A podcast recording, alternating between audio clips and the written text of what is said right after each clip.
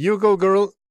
Uh, prva epizoda v novem letu 2024 in jaz te vidim, Aljaš, da so plani za obljube za 2024. Si, si eden od tistih, ki zdaj bom pa rešil fitness. Ja, ja, absolutno. To, mislim, eh, spisek mojih novoletnih uh, zaobljub je dolg in ugleden, in že desetletja ponosno ostaja neizpolnjen. No, da, preden nadaljujem, takoj Peter Frankel je tokrat z nama, uh, šef, vodja, direktor, ne vem kaj, čist najbolj prava oznaka financ. Peter, kaj je najbolj prava? Direktor in glavni urednik. Ok, uh, tvoje zaobljube, preden gremo po ustaljenem ritmu naprej. Nimam za obljub. Ne, ah, nimam, ne, za obljub nimam za obljub, kakšnih posebnih, gre pravzaprav za to, da bomo čim bolj delali, se čim bolj, čim bolj šmel in da bomo, kaj se vem, uspešni. A, nimam pa kakšnih konkretnih za obljub v smislu, shujšal bom, nehal bom se. Predajati tu pa tam kašnemu cigaretu ali alkoholu, tega, teh zaobljub nima. Naučil se bom speč to, ne vem, šel bom tja. Ne, ne nimam, nimam. Nikoli nisi imel v življenju, ali je to bolj novejša zadeva? Ne, eh, pravzaprav res nikoli nisem imel kaj dosti v življenju. Poskušal bom malo bolj zdravo živeti, tako da bom poskušal malo manj delati. Ampak to je pa vse. Je pa vse. Okay. Uh, Aljaš, mi dva smo rekla, da povaba Petra v gostem v Metin Čaj, ki je to zdaj uradna številka 269 epizoda, kar pomeni, da smo v 11. sezoni. Uh, deset let podcasta Metin Čaj sva praznovala v oktobru in takrat tudi dala Aljaš ven prvi resen mrčne v desetletnem obdobju. Skratka, v zameno za podporo podporo v višini 20 evrov, je lahko vaša šalca, ki je podobo oblikoval tomato košir. Lahko je tvoja. To je res, moja je. Ne? In iz prve roke, dobesedno, ker imam ta hip v roki in srkam mojo, zdaj že mrzlo jutranjo kavo, lahko potrdim, da je kava iz šalice Metenega čaja. Dobro, dosti njih. Še boljša, da o metenem čaju iz šalice o metenega čaja sploh ne govorim. Jaz bom samo rekla, res lepa hvala vsem, ki ste nas podprli, ki nas podpirate in nas še boste, nam res veliko pomeni, pa tisti, ki ste uh, dobili šalce, upam, da je cela prišla, če ni, absolutno javte, uh, popravimo uh, napako, ki mogoče niti ni naša, ampak vsem uh, želimo, da je uh, taka v pravi obliki cela vaša. Um, kaj imamo plan v tej epizodi? Namreč uh, med tem, ali jaš, ko spremljamo dogajanje na RTV, poskuse normalizacije odnosov, pa odstop člana uprave, na čakanju skupina zaposlenih stavka in tako dalje. Um, na drugi strani časnik finance, ki je leto 2024 štartov tako kot še noben časopis pri nas, se mi zdi, da ne. In sicer, da so šli v digital only, oziroma enkrat na teden bodo samo še imeli tiskano izdajo. To je bila prejšnji petek, verjetno, ne, Peter? Tako je. Prejšnji in, petek vse ostalo pa um, samo še na digitalu. In o tem bi rada s Petrom klepetala. Tako da, Peter, vnaprej um, lepa hvala za tvoj čas. Um, je pa navada v metinem čaju, da gosta oziroma gostjo vedno pobarava, da se mal predstavi. Zdaj ti si bil naj gost aprila 2015. Um, za tiste, ki te mogoče ne poznajo, ali lahko nas sem hitro sprehodiš čez tvojo medijsko kariero? Moja medijska karijera, dobro. Uh, dobro, da začnem pri samem začetku. Sem letnik 65, uh, končal sem še tedaj FSPN študij in začel sem delati najprej na dnevniku, na delu, potem sem zdela presedlal na gospodarski vesnik. To je bilo leta 91, leta 92 sem se pridružil novemu kolektivu Financ, ki, je, ki so tedaj izhajale pod odkritjem gospodarskega vesnika, in od tedaj naprej sem na financah, ki so zdaj v švedski lasti in delam kot direktor, glavni urednik in to je na kratko v moji medijski karieri. Se pravi, v bistvu devet let je bilo vmes, kar smo vse na zadnje slišali o metinem čaju. Da. Kar se tiče tvoje zgodbe in financ, razen da so vmes prevzeli švedi, ne? drugega pa ni bilo mnogo. Ne, ne, ne, švedi so prevzeli finance že leta 2001. Aha, polje ok. Ne, ne, to ni, to ni kakšna. Skratka, nobenih sprememb. Nobenih sprememb. S tem, da spremembe so seveda bile.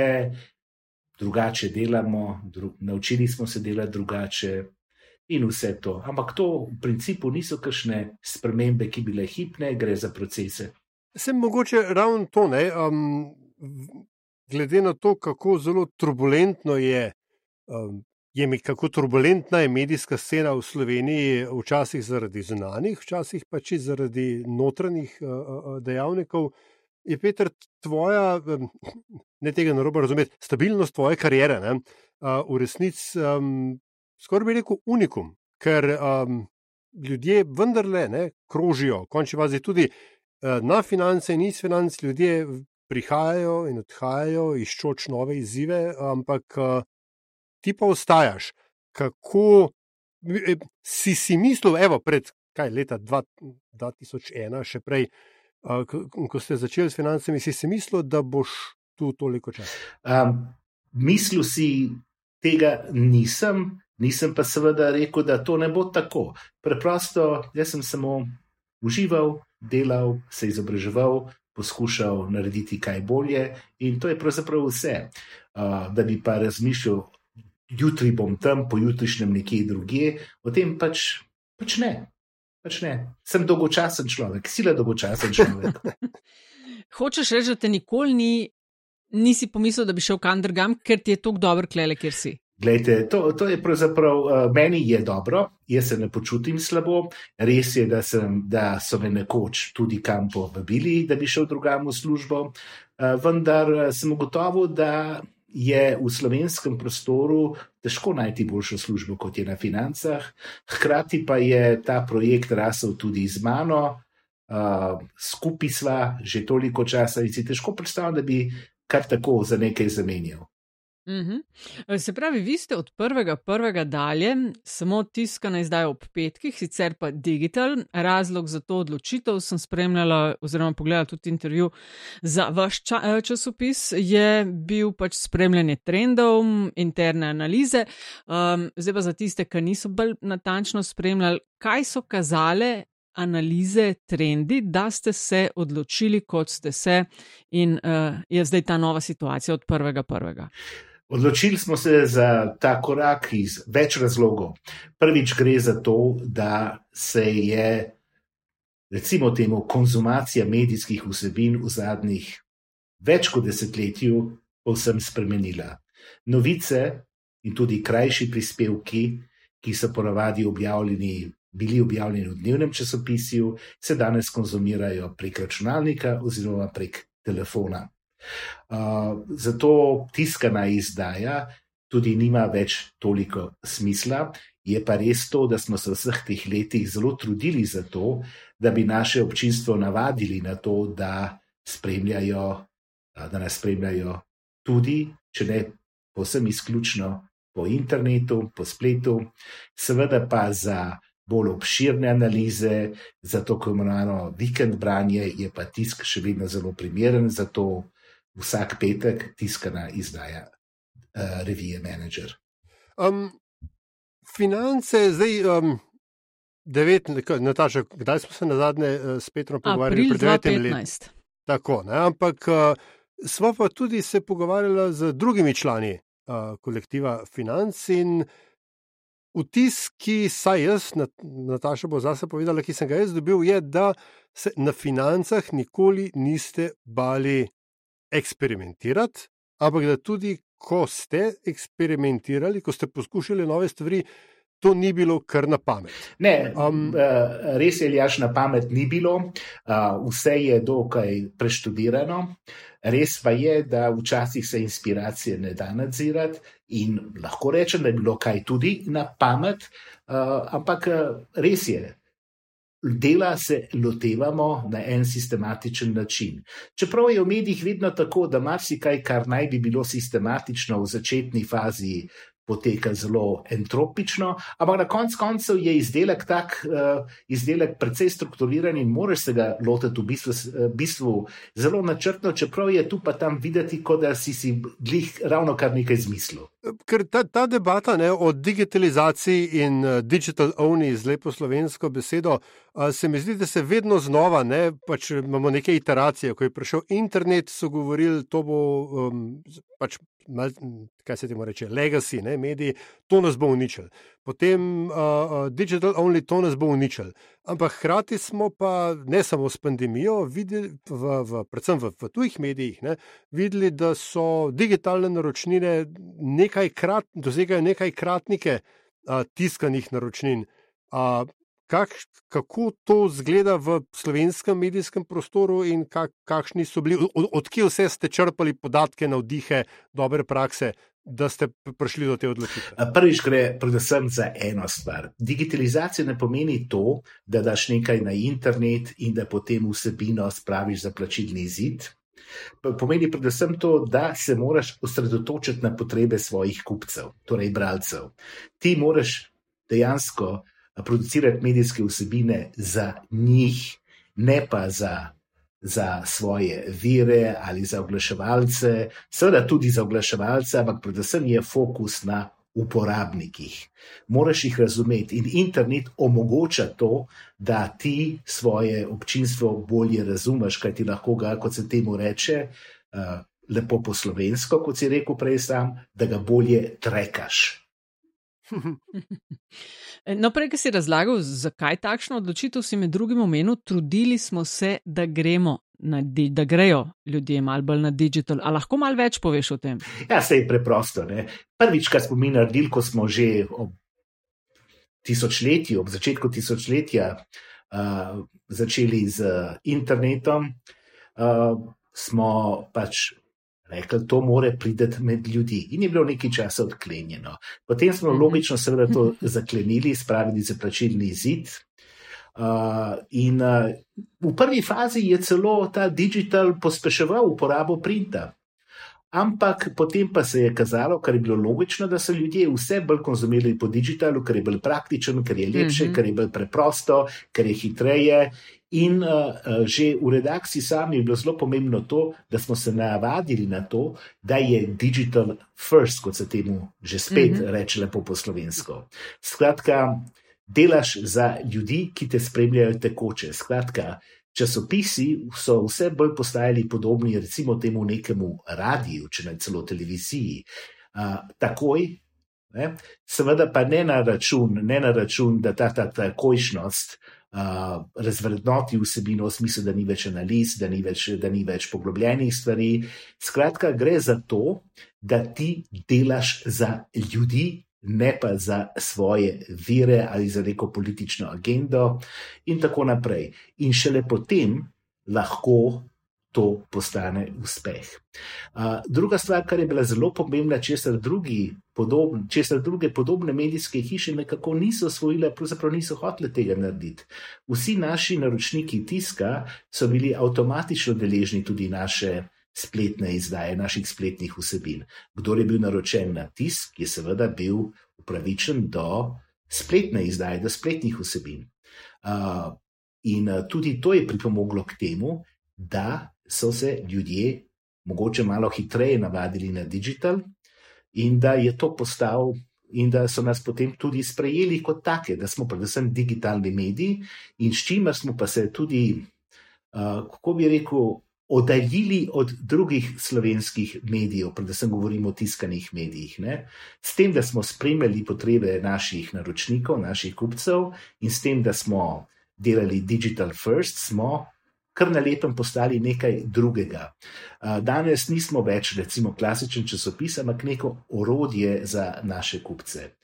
Orodje, ki pomaga skozi posel in tudi osebno življenje. Vi ste bili, zdaj ne vem, če prvi, ampak definitivno med prvimi, ki ste začeli eh, zapirati članke. Je bil kdo pred vami? Ja se spomnim, Tega se ne spomnim. Eh, mislim, da smo bili prvi, ki smo začeli bolj intenzivno zapirati članke. Mm -hmm.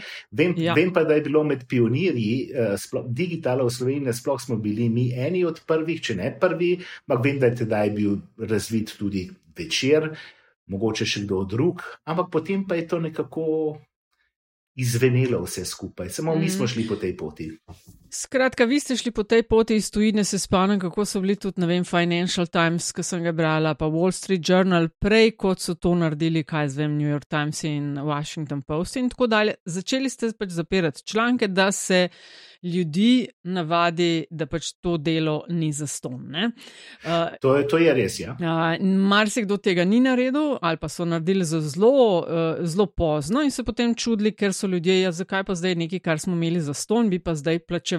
Ne? Jaz se spomnim, že tam, takrat sem pač živela v ZDA, že okrog leta 2005, pa sem imela eno obdobje naročeno Washington Post, ampak to je tako, ne, koliko strani ima, je imel, recimo v najboljših, najboljših časih v smislu števila strani financ finance, koliko so jih imeli? Ja, eh, bili, bilo je tudi 32. 32, tu pa tam tudi 50 in več. Ne? Skratka, to je bil v, v nekaterih obdobjih kar debu časopis. Ne? Seveda ni tako debu bil nikoli, kot, je, recimo, kot so nekateri drugi časopisi, bolj svetovnega značaja. Ne? Ampak je no, se reče, da ni bil ja. tako tanek. No? To sem hotel reči, okay, da ti z Washington Post, ki si ga doma, to si lahko nekoga ubil s tistim, s ja. izdajo. Ne? To je bilo res tako debelo. Se spomnim, sem okrog leta 2005 sem se dobila, da so mi časopisi ostajali na mizi, ker sem na spletu prebirala, kar me je zanimalo. Vikend izdaje je bilo mečken mal drugačne. Zakaj misliš, da so take? Travme okrog te odpovedi tisku, ker vse časopisi so konkretno na spletu, jaz ta argument sicer ne vem, pa bom po tisku, kar se meni tiče, so bile samo umazane roke. Ne vem, zakaj ti misliš te travme odpovedi tiskanih, tiskanim izdajam. Mislim, da je to predvsem travma založnikov, ne pa toliko občinstva. Torej, uh, kar se založniki mnogi založniki pač temu niso prilagodili oziroma krojili svojo usodo tako, kot je bilo treba, je to pač postala travma. Mislim, da to ni travma v tolikšni meri občinstva, morda del starejšega občinstva to čuti kot travmo, ampak nasplošno je to travma ljudi, ki časopise delajo. A ti tiskano izdajo še kupaš? Kupaš kakšne tiskane jaz, izdaje? Ti, jaz tiskane izdaje ne kupim, oziroma jaz sem naročnik marsikaterega slovenskega časopisa, vendar ga prebiram predvsem po internetu, recimo delo pa prebiram kot e-paper na iPadu. Tiska pa težko, tisk pa težko vzamem v roko. Razen, če slučajno niso naložili svojega e-paperja pravočasno na, na uh, digitalno platformo. Uh, Uh, tudi mladino, recimo, berem kot e-paper, ne, ne pa po spletu. E-paper ima nekatere stvari, ki so praktične, omogoča navigacijo, in za splošne časopise je e-paper.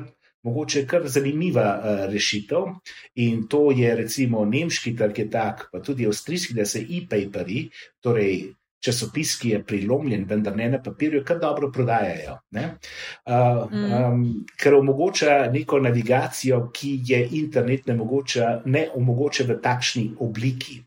Vendar, newsletteri pa to so tudi neke vrste navigacija. Pri nas smo upustili tudi e-paper, zato, zato ker smo se hoteli posebno fokusirati na digital varianto, internetno varianto, vendar Mnogi splošni založniki, recimo založniki splošnih medijev, so po mojem to priložnost zamudili, ravno zato, ker so preživljali te travme, ki pa, ki pa se jim niso, nezavedno, morda niso hoteli rešiti. Koliko pa ima to po tvoje zveze z, kaj pa vem, ali je to, a veš, sprememba v delovnih navadah, v rutini ljudi? No, nočem biti zdaj ta, ta stari prdec, ki bo rekel, ne, da se svet vedno hitreje vrti in tako dalje. Ampak dejstvo je, da novice v resnici, ali medije nasplošno konzumiramo na mnogo več različnih načinov, kot smo jih vem, pred 30 leti. Ne. Ok, nekaj bi, preden odgovorim na to vprašanje, bi povedal še nekaj.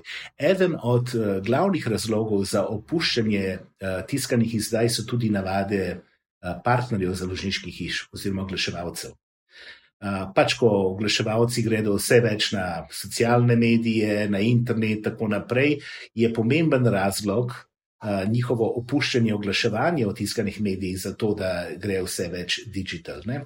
Uh, to je bil nekoč zajeten uh, kup denarja, zdaj. To seveda ni več tako. Kar pa, zadeve, kar pa zadeva rutine, navad.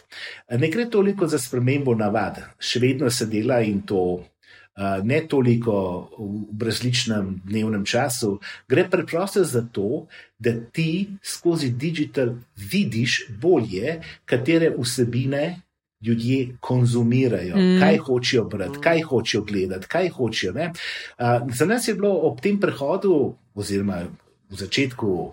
V začetku tisočletja posebno šokantno to, ne, ko smo ugotovili, da nekoč so statistike govorile, koliko ljudi prebira, prebira dnevno izdajo, tiskano izdajo. Ne. In potem ti vidiš, da so vse te statistike bile, bile nekako uh, zelo pozitivno obarvane. Ne. Ti, če danes prebere tvoj članek v katerem koli slovenskem mediju, recimo tisoč ljudi, je to veliko. Vendar, nekoč smo pa govorili o statistikah, recimo časopis vsak dan prebere 150, 160, 200 tisoč ljudi in tako naprej. To je vse, ne bom rekel ravno laž, vendar v dobršni meri zakamuflirana resnica. Ljudje, ljudje konzumirajo vsebine načrtno, nekatere samo ošvrknejo, ne pomeni pa, da jih bodo tudi dejansko prebrali. Ko pa ti spremljaš ko vidiš, koliko časa je kdo bil na nekem članku, da ga je prebral, potem se ti nekatere iluzije podrejo preprosto in pač strmiš proti novemu. Natanko to in en kup teh iluzij, recimo tudi pri novih medijih, ki imaš, ne vem, ali aš videl posnetke na Facebooku, na Instagramu in ti o 100 tisoč ogledov, ne? ne pove pa, da se to začne vrteti, že ko skrolaš čez in da že po ne vem par sekundah beleži kot ogled, ne? kar pa absolutno ni nujno, da je ogled. In pa so za temi ciframi, tako če deliš se 100, mogoče prideš do realne številke. No, ampak kaj je pa, ko si omenil, um, vidiš za res bolj, kaj ljudi zanima, pa kje članke pridejo res do konca, pa kaj samo ušvrknejo. Kaj nam lahko o tem poveš? Lahko povem to, da danes ljudi, ljudje, ljudje, so, ljudje so zainteresirani za prvič pametne članke, drugič pa za članke, ki jim omogočijo neko korist v smislu, ja, to je to, tako bom ravnal. Mm -hmm. Tem, temu se reče nekako tudi lep, v lepi slovenščini, zdaj jaža, da nadaljujem, immediate takeaway. Mm -hmm. Da ti od tega članka Ampak, nekaj dobiš, da v njem zoriš. V redu, neka, neka, neka, neka znanja, ne vem, kako oddati davke, koliko bo tega onega tretjega. Kaj so pa, pa povej mi primer pametnega članka, ki si ga omenil. Veš, nekoč je bilo v Sloveniji bilo ogromno založnikov, uh mhm. -huh. ljudi, ki so razumeli. Včasih, ko govorimo o marketingu, o oglaševanju, se spomnimo Slovenija, moja država, pa to, kako je bilo to lepo, kako je to se dotaknilo ljudi in tako naprej. Ne? Uh, nekoč so bili slovenski založniki, ki so znali ljudem potrkati na srce in na razum. Um, Ta spoj z ljudmi je bil nekoč pomemben, danes tega več ni. Jaz se spomnim, ko sem začel delati na delu. Ne? Še vedno se telefonske številke spomnim, kamor so v začetku 90-ih ljudje lahko poklicali, v naši občini pa imamo ta problem. Kako ga lahko rešimo? Ali lahko vprašate pristojne?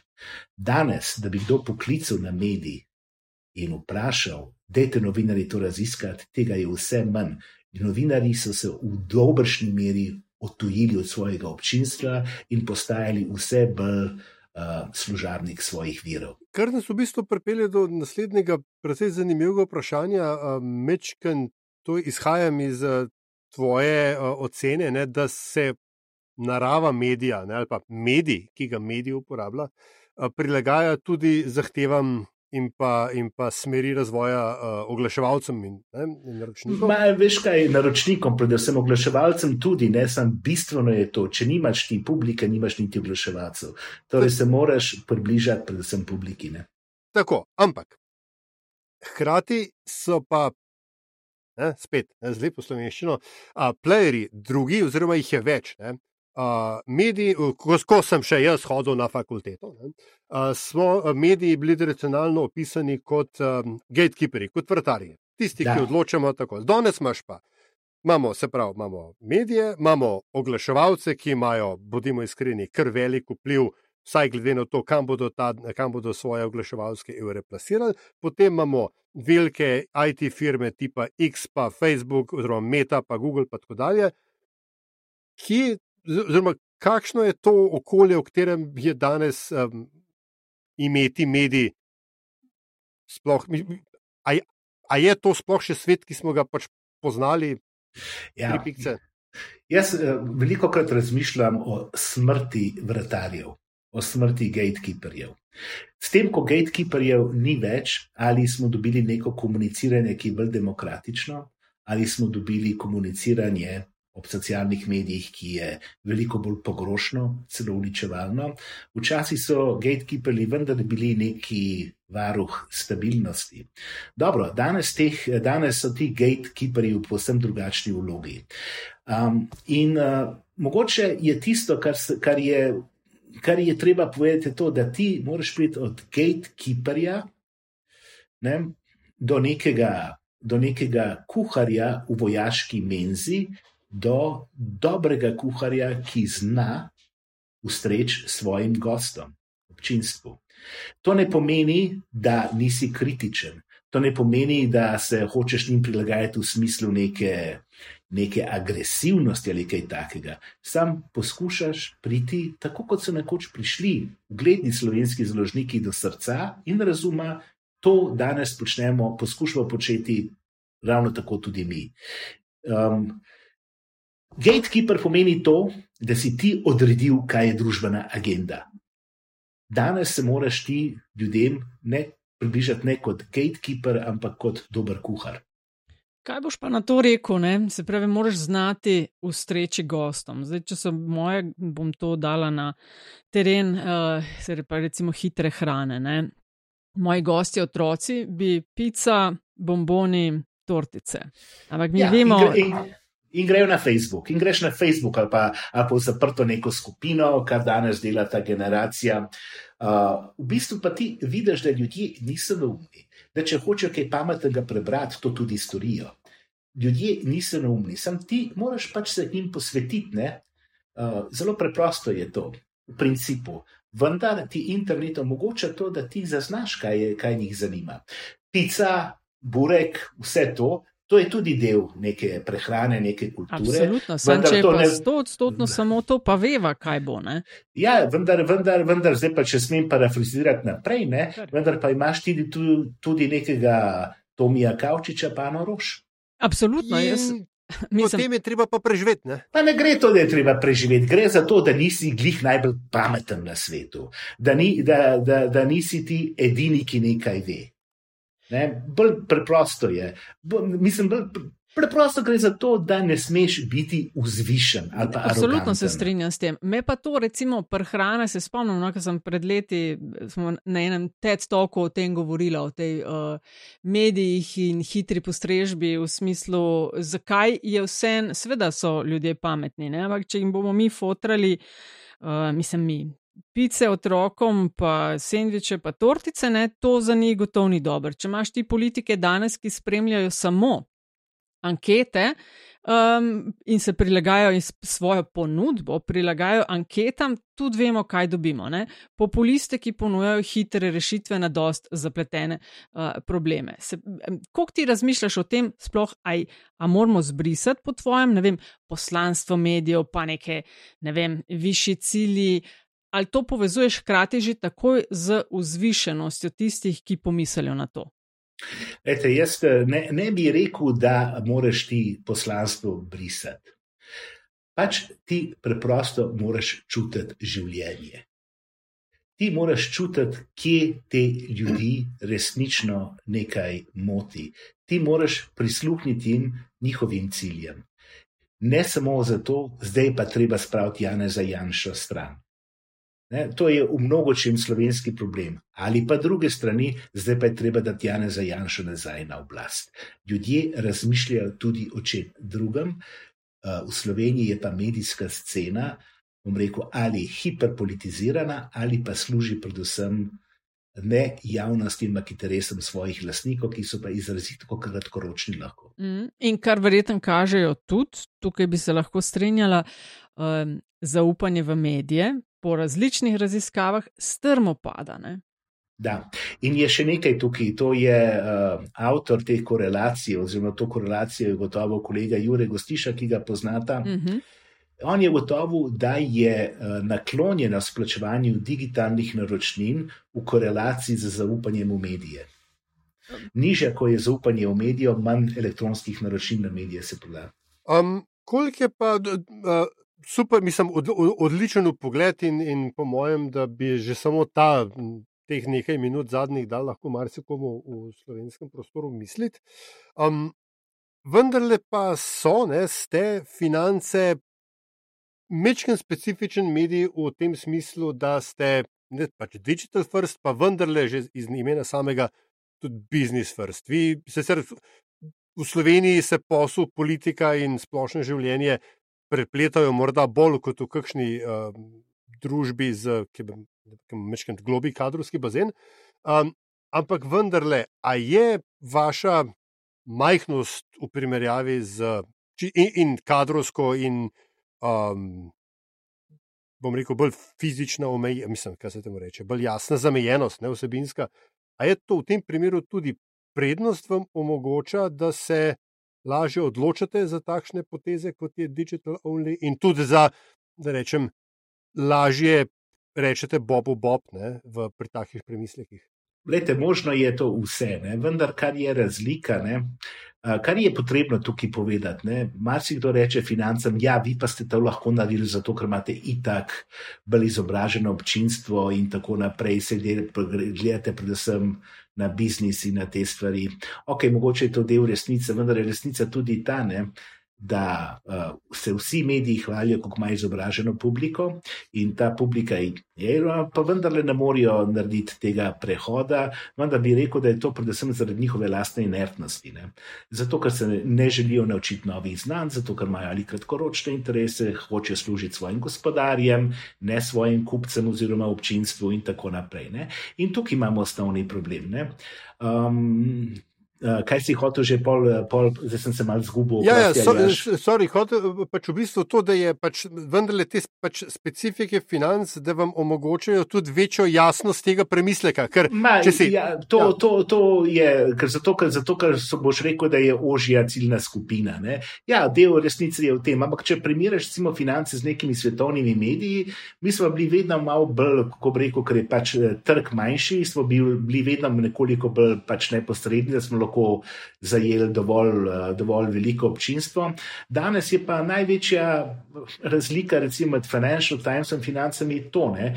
Mi v financah bomo veliko več pisali o, recimo, o tem, kaj bo jutri naredil Furs, kje se da do, kakšno dobro hišo kupiti za manj denarja. Kakšni bodo jutri davki, bolj se posvečamo življenjskim težavam naših naročnikov, ker da bi pa pisali samo tako, kot recimo Wall Street Journal, Financial Times, pa celo, ali pa celo samo o borzi, kot v nekaterih drugih državah, ker je večja naklonjenost to vrstnemu vlaganju, pač tega ne moramo. Zato pa so recimo zelo pomembni pri nas davki. Zelo pomembno je to, kako nekam kam knjižiti. Recimo take stvari, banalne, ki pa ljudi zanimajo. Ne? Jutri, je, jutri se upelje štempljanje, kot se Mhm. temu reče, kako naredite to tako, da boste prišli s čim manj praskami skozi in tako naprej. To so, to so problemi, ki se dotikajo ljudi in te probleme moraš ti zaznati in ti probleme, o teh problemih potem poročaš, pišeš, komentiraš in tako naprej. In to možnosti imajo vsi mediji, vendar so po, po, za njih pomembnejše druge stvari, Mhm. kot pa ljudje. Ali pa so drugače razumeli. Mi je zelo zanimivo, kar govoriš, ker je dejansko recimo na metini listi en članek, ki smo ga, ne vem, če ni že deset let nazaj, kar smo ga objavili, je bilo kako ustanoviti zavod in smo pač po korakih A, B, C, D, kaj rabeš, kjeri papiri in tako dalje. Skratka, Tako. praktični nasvet, da nekomu skrajšaš tisto sicer mogoče več urno browsanje po spletu, da najde prave stvari. Ne? No, recimo, in potem pa so taki članki, temu se reče tako imenovani večni članki, ki lahko služijo temu, da se, da se stalno imaš nek obisk in nek, nek, nek, kot se temu reče, že spet poljaževo trafik, ne, da, da potem je to uh, večletni šampion. Ne. Uh -huh, Google to zazna. Ne. uh -huh. In potem imaš ti pameten članek, ki je večen, ki je vedno dosegljiv in uh, sicer se lahko regulativa spremenja, ampak takrat ga pa dopolnjuješ. Mm. V tem intervjuju, se pravi ob splavitvi nove politike od 1. januarja, sem med drugim dejal uh, za finance, da brez dobička ni nič. A se jaz motam, kar popravme, če rečem, da je gro vašega dobička, da so to izobraževanja, seminarji, dogodki in podobno in manj news. No, to je že spet ena od tistih uh, tolažilnih. To lažilnih floskul, seveda, uh, predvsem tistih, ki ne morejo ki ne razumejo, zakaj gre. Dogodki, dogodki različne izobraževanja v živo so za nas pomemben vir prihodkov, vendar še zdaleč ne edini oziroma edini dobičkonosni. Finance predvsem služijo denar, dobiček z elektronskimi naročninami. Dogodki oziroma poslovna akademija je pomemben vir prihodkov, ampak recimo, če povem v številkah, recimo, da je, kaj jaz vem, ena osmina prihodkov je iz dogodkov in ena, ravno tako ena osmina dobička. Mhm. Ne, to nikakor ni bilo mišljeno kot kakšna kritika. Ne, bolj... ne, ne, ne, ne, to je tolažilna floskula, uh, ljudi, ki ustrajajo pri svojih. Ja, se njimi pa lahko, oni delajo samo news oziroma delajo internet za to, da čim več ljudi privabijo na, na dogodke. Seveda tukaj je povezava, vendar, še enkrat podarjam, vendar uh, so, je stik s kupci zelo pomemben na, na internetu. V branju in tako naprej. Torej, skratka, velika večina prihodkov financ izvira iz elektronskih naročnin. Pričemer dogodki vsekakor niso nepomembni, so pa vse prej kot edini stebr poslovanja mm. in dobička časa. Mislim, meni se itek zdi, da mediji delajo še premalo tega, ker imajo ljudje, ki delajo za nje uh, raznovrstna znanja in jih lahko, če ne drugega, kot organizacija dogodkov, izobraževanja, uh, ne vem, uh, kaj za en seminari na to in ono sceno da lahko tudi to počneš. Bolje je šlo moje v smeri, se spomnim pred leti, ja, veš, se spomniš televizije TV3. Oni so, ali pa, ali pa ne vem, pop TV. Velik del so filmi, so reality, ampak se je izkazalo pri TV3, ker niso imeli med drugim polnovrednega nekega news programa, da jih ljudje niso videli kot televizijo, televizijo. Razumeš, kaj hočem reči? Da po, na PopTV-ju recimo dobička news ne prinaša, ne? prinašajo ga te reality in podobno, s čimer se financirajo tudi uh, news programi, brez katerih bi pa teže tudi uno uspevalo. Tako nekako. Ja, zdaj, zdaj je težko govoriti v današnjem konkretnem času o teh zadevah. Ne? Namreč eh, TV3 se seveda spomnim. Ne? Ampak eh, to so bili drugi časi. Ja, če, če, danes, če danes gledaš neke uh, bilance prihodkov teh velikih televizijskih mm -hmm. hiš, opažaš, da so viri predvsem oglaševanje in, in seveda uh, prihodki, ki jih imajo zato, ker je pač ta televizija poteka po internetu in kabelski operaterji uh mhm. -huh. zato odštevajo pristojbino. Tako da, uh, tako da to je neke vrste parafiskalna dejatev. V bistvu. Ja. v bistvu je to parafiskalna dejatev, ne? ker vsi imamo internet in tudi, če nikoli ne gledamo televizije. Ne, boš to plačeval. Mm -hmm. V bistvu so si velike komercialne televizije izborile vir prihodkov, ki je na nek način podoben, sicer bistveno manjši, kot pa javna hiša RTV. Uh -huh. Večkrat v tem pogovoru, pa sej mislim, da tudi že na zadnje, ko smo govorili, pa tudi sicer si uporabil a, besedo kupci a, v kontekstu. V kontekstu, kjer bi ga marsikdo drug v medijskem svetu uporabil za bralke, bralci, gledalci in gledalci. Um, sploh ne obsojam, samo uh, zaznavam resno, um, resno divergenco pri premisleku Ja. Tukaj. Tako da, ja. ne povej, kaj več o tem. Ma, ja, sej, eh, kupec. Danes v medijih, pa tudi druge, ne, obstajata recimo dve valuti. Ne. Prvič ti mora nekdo podariti čas. Drugič, če ti podari še zraven denar, oziroma če nekaj kupi, je to zelo veliko. Ne. če kdo, pride, če kdo pride v restavracijo in hoče nekaj pojesti, se prvič mora odločiti, da bo tej restavraciji, da bo tej restavraciji dal svoj čas, potem pa še plača za to. In to je kupec. Ne vem, zakaj bi bila razlika v medijskem svetu drugačna. Zakaj bi bilo to sploh različno? Ne? Torej, bralci ne plačajo nič, oglaševalci pa kupiti nekaj in nekaj prodati, to ni nekaj sramotnega. Mm -hmm. Vi imate, če se prav spomnim, 15 tisoč naročnikov, pa tri četrt od tega je digitalnih. Jaz sem si prav zapomnila. Ja, danes jih je več digitalnih, ja. zato ker ni tiska več. Ja. Ja. Veš, kaj me zanima, kako kaj, ker je že to bilo v 2003 all over the place, uh, umetna inteligenca pri vašem delu, na kjer koli stopnja, to uporabljate kaj ali ne, ali se ti zdi, da bo tega itak še več v prihodnje, kaj misliš? Ne vem, eh, ne vem eh, kaj bo s tem v prihodnje. Zdaj je umetna inteligenca razmeroma sposobna tajnica, razmeroma sposobna tajnik. Mm -hmm. Lahko ti skrajša marsikatero opravilo, ti prihrani čas. Zaupati umetni inteligenci za zdaj, v novinarstvu, pa tudi druge, tega ne moreš narediti, vendar recimo, da se jaz zdaj nekaj hočem spomniti, neke besede, pa se ne spomnim, takoj tipkam noter če GPT, pa bom vedel takoj to besedo ali pa kaj prevedel, ali pa kar tako reče. Ali pa če bom hotel, da mi naredi en itinerar po. Za, za kaj posebnega mi bo to inteligenca, umetna inteligenca pomagala. Umetna inteligenca je izjemno dober pripomoček, lahko tudi pomaga pri sekundarnih novinarskih upravilih, vendar je tukaj še vedno potreben nadzor in logično. V umetni inteligenci pač še ne moreš posem zaupati, in mislim, da umetna inteligenca še lep čas ne bo imela tega, tega osebnega stika, občutka.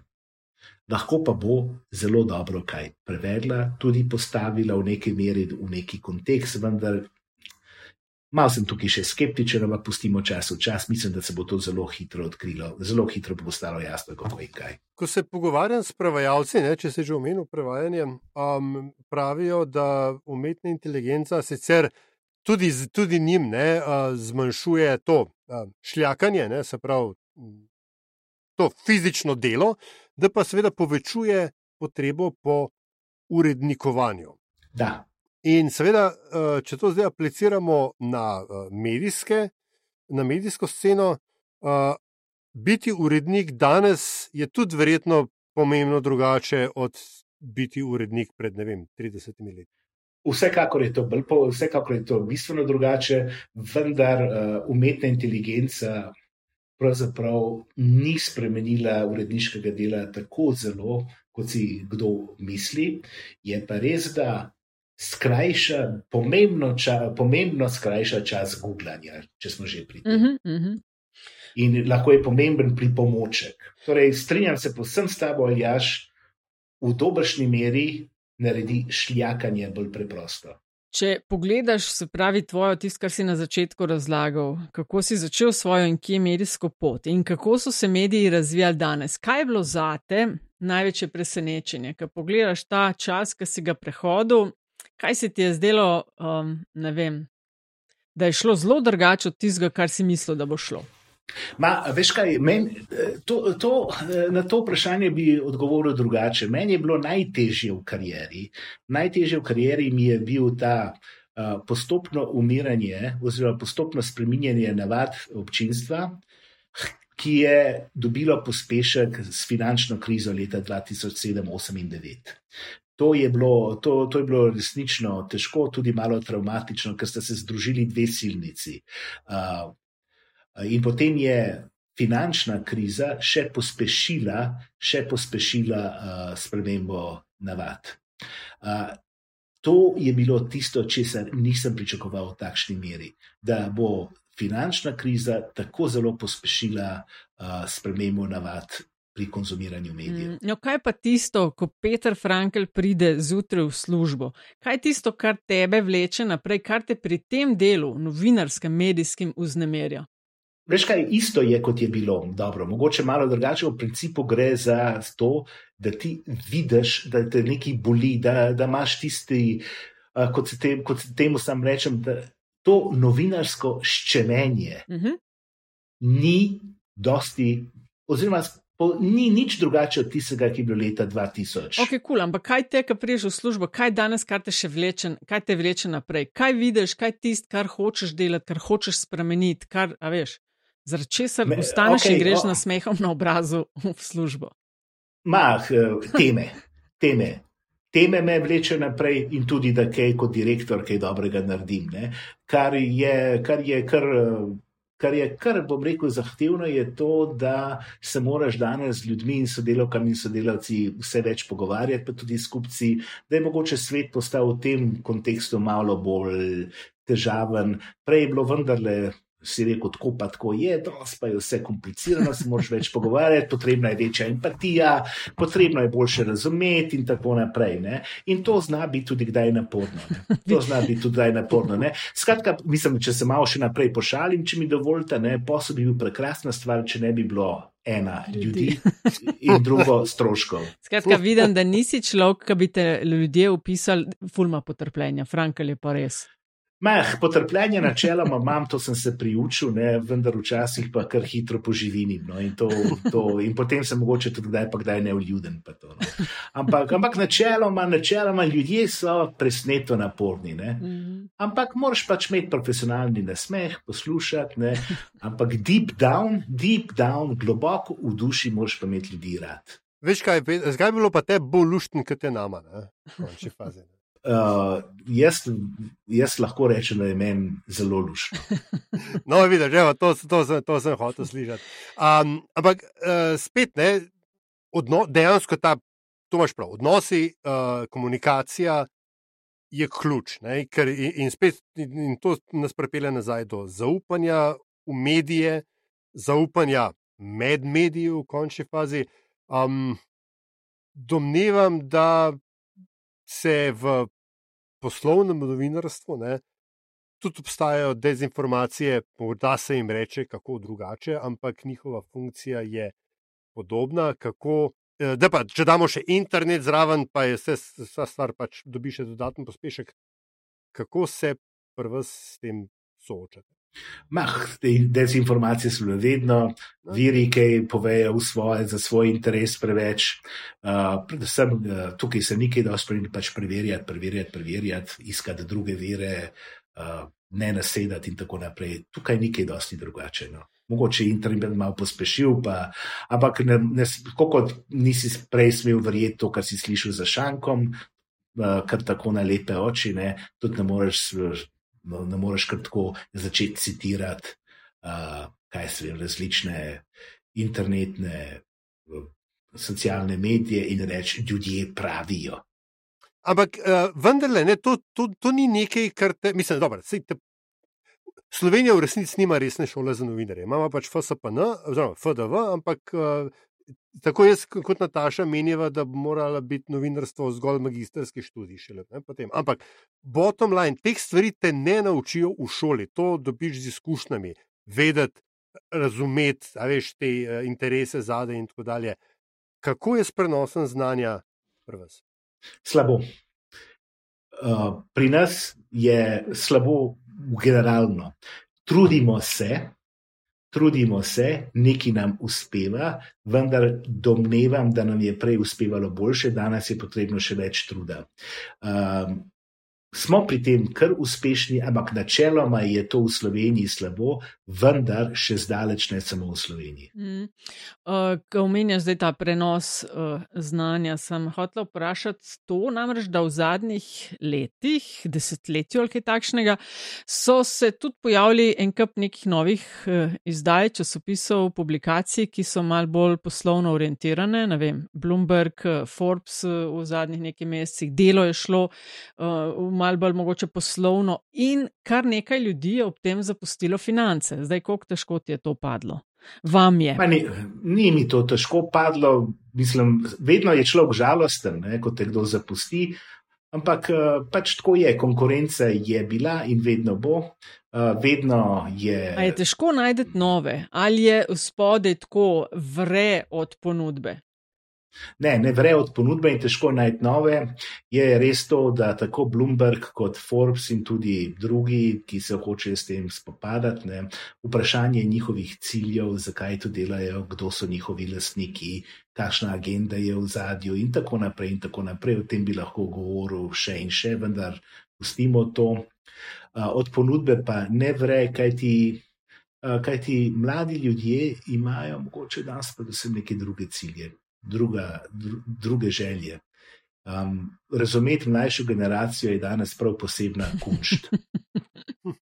Hočeš reči, da rabiš še malo več te empatije, o kateri si govoril, ko se srečuješ z mlajšimi? Ja, ja res je. Mlajši, mlajši vtegnejo biti celo naporni. Zadnjič se pogovarjam s kolegom, ki je mlad, ne, mogoče ne tako zelo mlad. Ko sem bil v njegovih letih, sem že imel otroka in vse to, pa družino. Prav, A bi mi pa poskušala dati, recimo, tvoji poslovni poti, tvoji karieri, neke točke, neke stebre, kje želiš biti čez toliko časa? Pa mi je povedal, veš kaj, Frank, to mene ne zanima, jaz bom delal to, me, kamor, kamor me bo poklical en zov ali kitajska.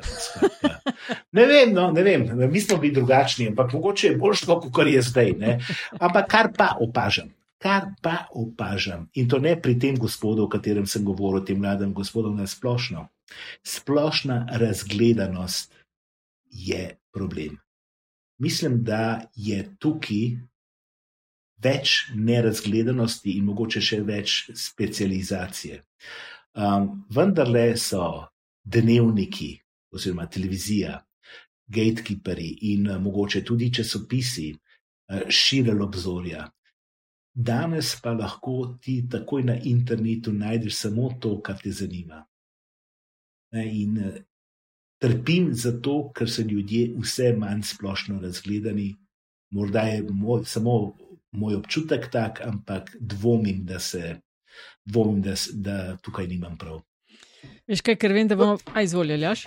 Ne, ho, ja, hotel sem samo dodati, ne, da je vendarle treba samo kritično priznati, da je čisto vsaka generacija za tisto, za, svoj, za sabo mislila, da pač oni bodo pa svet res je. Vrago, res je, res je, to je to lažba. Da, to je to lažba. Hvala lepa, da se mi na njo spomnil. Veš kaj, anekdota ob tem, ne sem šla pred dnevi ena trgovina, v Gočevu je pa prodajajo nogavice, delajo za vse žive firme. Ne? In mi tako trgovka ene nogavice pokaže, pa pravi, da to je pa zdaj čisti hit. 50 evrov stanejo. Ja, to, so, to, je ta, to je ta znani slovenski, ja, znani slovenski proizvajalec. Ne? Ki dela prav specializirane in je eden od šampionov slovenskega, ja, slovenskega posla. Ja. No, ampak to je, pač potegne ven te nogavice, da jaz vidim, kakšne nogavice je to. In to so nogavice, ki so na končku scufane. A veš, koliko smo mi starše razburjali, ker smo strgane hlače si kupovali, pa fotor ni mogel razumeti, kakšne strgane hlače si kupuješ. Tako so zdaj strgane nogavice, vsaka ne vem, tretja nitka ročno ven pobrana. Skratka, ja. ne štekaš več. Ne? ja, no, sej, pa vem. No, kaj pa vem. Mene bolj, mene bolj uh, je zanimivo dejstvo, da nekdo uspe prodati nogavice za 50 evrov. Če jih moraš malo prej strgati, če to boljšno. Čakaj, gledaj, še to, preden gremo, ker se mi zdi, da počasi bomo mogli piko postaviti. E, Nič nismo rekli na to temo, kar sem omenila, aljaš na začetku. Ne? Vse prisotno je to, kar se dogaja na RTV-ju. Uh, kako ja. ti, Peter, Frankel, gledaš na to, kar se tam dogaja? Se predvidevam, da ne more jeti mimo tebe, ker je res povsod. Ne more jeti mimo tebe. Um, kaj jaz vem? No? Kaj jaz vem? Uh, tu je, uh, da bi z nekimi, da bi nekimi zelo. Uh, Povsem menedžerskimi prijemi to zadevo spravil na zeleno vejo, mislim, da bo to zelo težko. Če se res poskuša kaj narediti, bo treba, bo treba imeti široko razgledanega človeka in odličnega menedžerja z nekim medijskim pedigrejem, ki mu ne bo težko sprejeti nekatere zelo nepopularne odločitve. Mm -hmm. Tudi rezanje stroškov, vendar je vprašanje, kje te stroške rezati. Glavni problem RTV-ja pa je, da je treba na novo opredeliti poslanstvo. Uh -huh. Ali je, ali je RTV, ali bo delal reality šove, ali bo delal pametno televizijo. In mislim, da bi, če bi bil kdo res zelo pameten, bi vrgel, prva stvar, bi vrgel rejtinge v koš. Ja, Ja, ja, ja lej, kar velik je za narediti. Ja. debata, debata, verjetno še, še, še za kdaj drugič. Ne? Ampak uh, mogoče pa vendarle to um, tudi vprašanje tako širše, ne samo RTV-ja. Vloga javnih medijev v medijskem prostoru. Ali so po tvoje javni mediji, zdaj v slovenskem primeru, sta to predvsem RTV Slovenija in pa pač tudi STA, um, pač by ways of uh, zakon o STA-ju. A so to, kaj pa vem, benchmarki, svetilniki, primerjalne vrednosti, ne vem, neki, nekaj, s, s čimer se lahko uh, mediji v zasebni lasti um, primerjajo ali pa jih vsaj Dobro, zdaj, eh, prvič bi potegnil tukaj neko distinkcijo. To, ki se mi zdi vendarle pomembno povedati, je STA kar v redu. Okay. Uh, ja. STA, STA je pomemben pripomoček tudi za medijske ljudi. In STA je pač medijska organizacija, ki vendarle služi svojemu namenu, po mojem mnenju, bolj kot pa RTV. STA so kar dobri, vsaj primerjalno gledano. Kar zadeva RTV, pa vidim tam nekaj, ogromno nekega balasta, ki je povsem, ki bi ga morali vreči čez palubo. Dobro, pa, pa preden gremo na zanimivost, povej, Peter, še kakšna je tvoja medijska dieta? Medijska dieta. Kaj jo sestavlja? Ja. Aha, kaj konzumiram? Ja. Ja, jaz sem še eden od tistih pripadnikov, urednikov, ne, oziroma član, oziroma sem eden od tistih urednikov, ki pride zjutraj v službo, ponovadi okoli sedmih zjutraj, ne, uh, konzumira veliko. Ne, ne. Nekoč so to bile polne mize različnih dnevnih časopisov. Danes je to, pregledam slovenske časopise, nekaj portalov, in potem pa se iz, preberem štiri italijanske, dva avstrijska, nemške in potem pa tudi balkanske reči. Temu posvečam vsako uro, vsak dan, vsak dan, recimo temu od sedmih do devetih.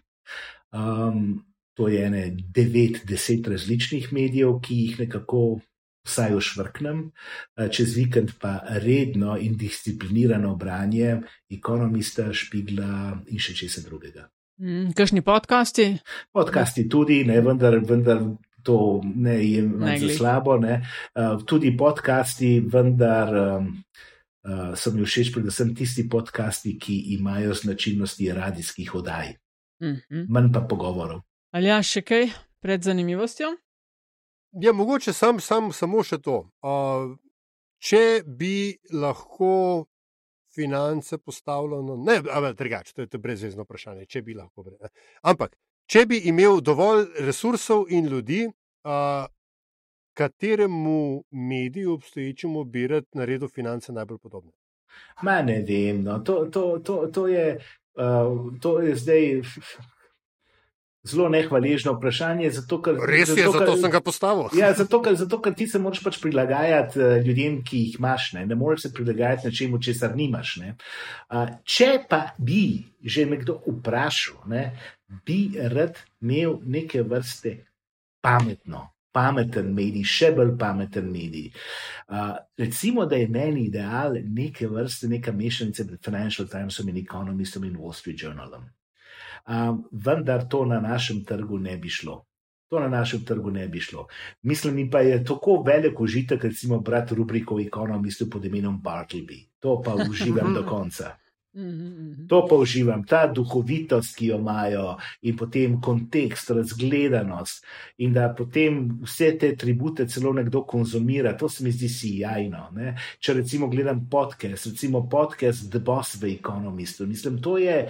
To je super, ne? in mogoče bi kdaj se tega lotil tudi v Sloveniji, ne? vendar počasi in pač se treba prilagajati možnostim, ki jih imaš. Ne? Ker vendarle ti, mi delamo v slovenskem jeziku, to je naš materni jezik in, in to zelo cenimo, vendar nas je samo dva milijona in še nekaj, ne? torej pač moramo se znajti. Ne? Mm -hmm. Uh, tak, ki si ga omenil, časopis bi šel ja v angliškem. Itak se grejo, se so vsi trije dobro stoječi. Spodobno ja, stoječi. Maja, recimo, ne, ampak. Ali pa saj v neki, ne vem, srbsko, hrvaško, bosansko. Ma ne, ne, to ne. Misliš, da tudi to ne? Ma ne, kje pa, kje pa, kje pa. Ne, ne, ne, ne. Žal mi je. Območje lahko imaš zelo rad, vendar to medijev, tam Slovenija je leta in leta naprej. Res, da imajo na Hrvaškem neki jutarnji list, ki je še kar nekako gre, ne? sam, hej, ljudje, tam je katastrofa. Pet pogled v Srbijo, to je. Sva se pogovarjala, sva imela goste. To, je, to, to niso je, več mediji. Ja. To, ni, to ni nič, ne? to niso mediji. Ne? In uh, mi imamo recimo tudi neko podjetje na Hrvaškem, kjer razmeroma uspešno delamo. Sam sem tudi udeležen v vodenju nekega medijskega produkta v Nemčiji in tako naprej. Bal Slovenija je tako daleč od Balkana dan danes in hvala Bogu. Mm. Eh, za konec, eh, Peter, vedno enako vprašanje vsem, da z nami delijo neko zanimivost. Nekaj, za kar samo ceniš, da mogoče veliko ljudi ne ve, pa da bi bilo fajn, da vejo. Lahko je ali pa ni povezano s tabo, karkoli je lahko to. Zanimivost, kateri bi morali. Tell us ljudje... something we don't know. oh, bože moj, oh, to, so, to, to, so, to so intimne stvari, o tem ne bomo govorili, tega, te, te, te, tega ne vem. Ne. Um, zanimivost, ki jo lahko povem, oziroma česar ljudje v Sloveniji ne vedo, pa, oziroma vedo, ampak niso. Ne. Slovenija, v Sloveniji živeti je res kul, cool, če imaš dovolj denarja. Ne rabiš pa ga imeti tako zelo veliko. Slovenija je, po mojem prepričanju, država, ki omogoča enega najvišjih življenjskih standardov. Absolutno. Absolutno, ja. niti približno ne rabiš toliko denarja, da si na istem nivoju, kot bi recimo bilo potrebnega v ZDA. Ali pa v Luksemburgu, če ja, že pri tem. Ja. ah, pa ne bi zdaj šel v javno zdravstvo, pa tako. Ne? Uh, Slovenija je prekrasna, mogoče. Recimo, da ti greš peš v službo da, gre, da greš peš v službo, pa z biciklom v službo. Ma to, to Ljubljana omogoča takšno kakovo življenje, kot je le redko lahko najdeš. Sam delam tudi v Berlinu, ne? pa gledam svoje sodelavce, ne? eno uro vsako jutro na vlaku. Mhm. ja, ja. Ne? Absolutno šteje, čist. Podpišem takoj. Peter Frankl, finance, najlepša hvala, da si bil spet gost metinega čaja. Vse da. dobro v 2024. Nataša Aljaš, spoštovani poslušalci, najlepša vam hvala.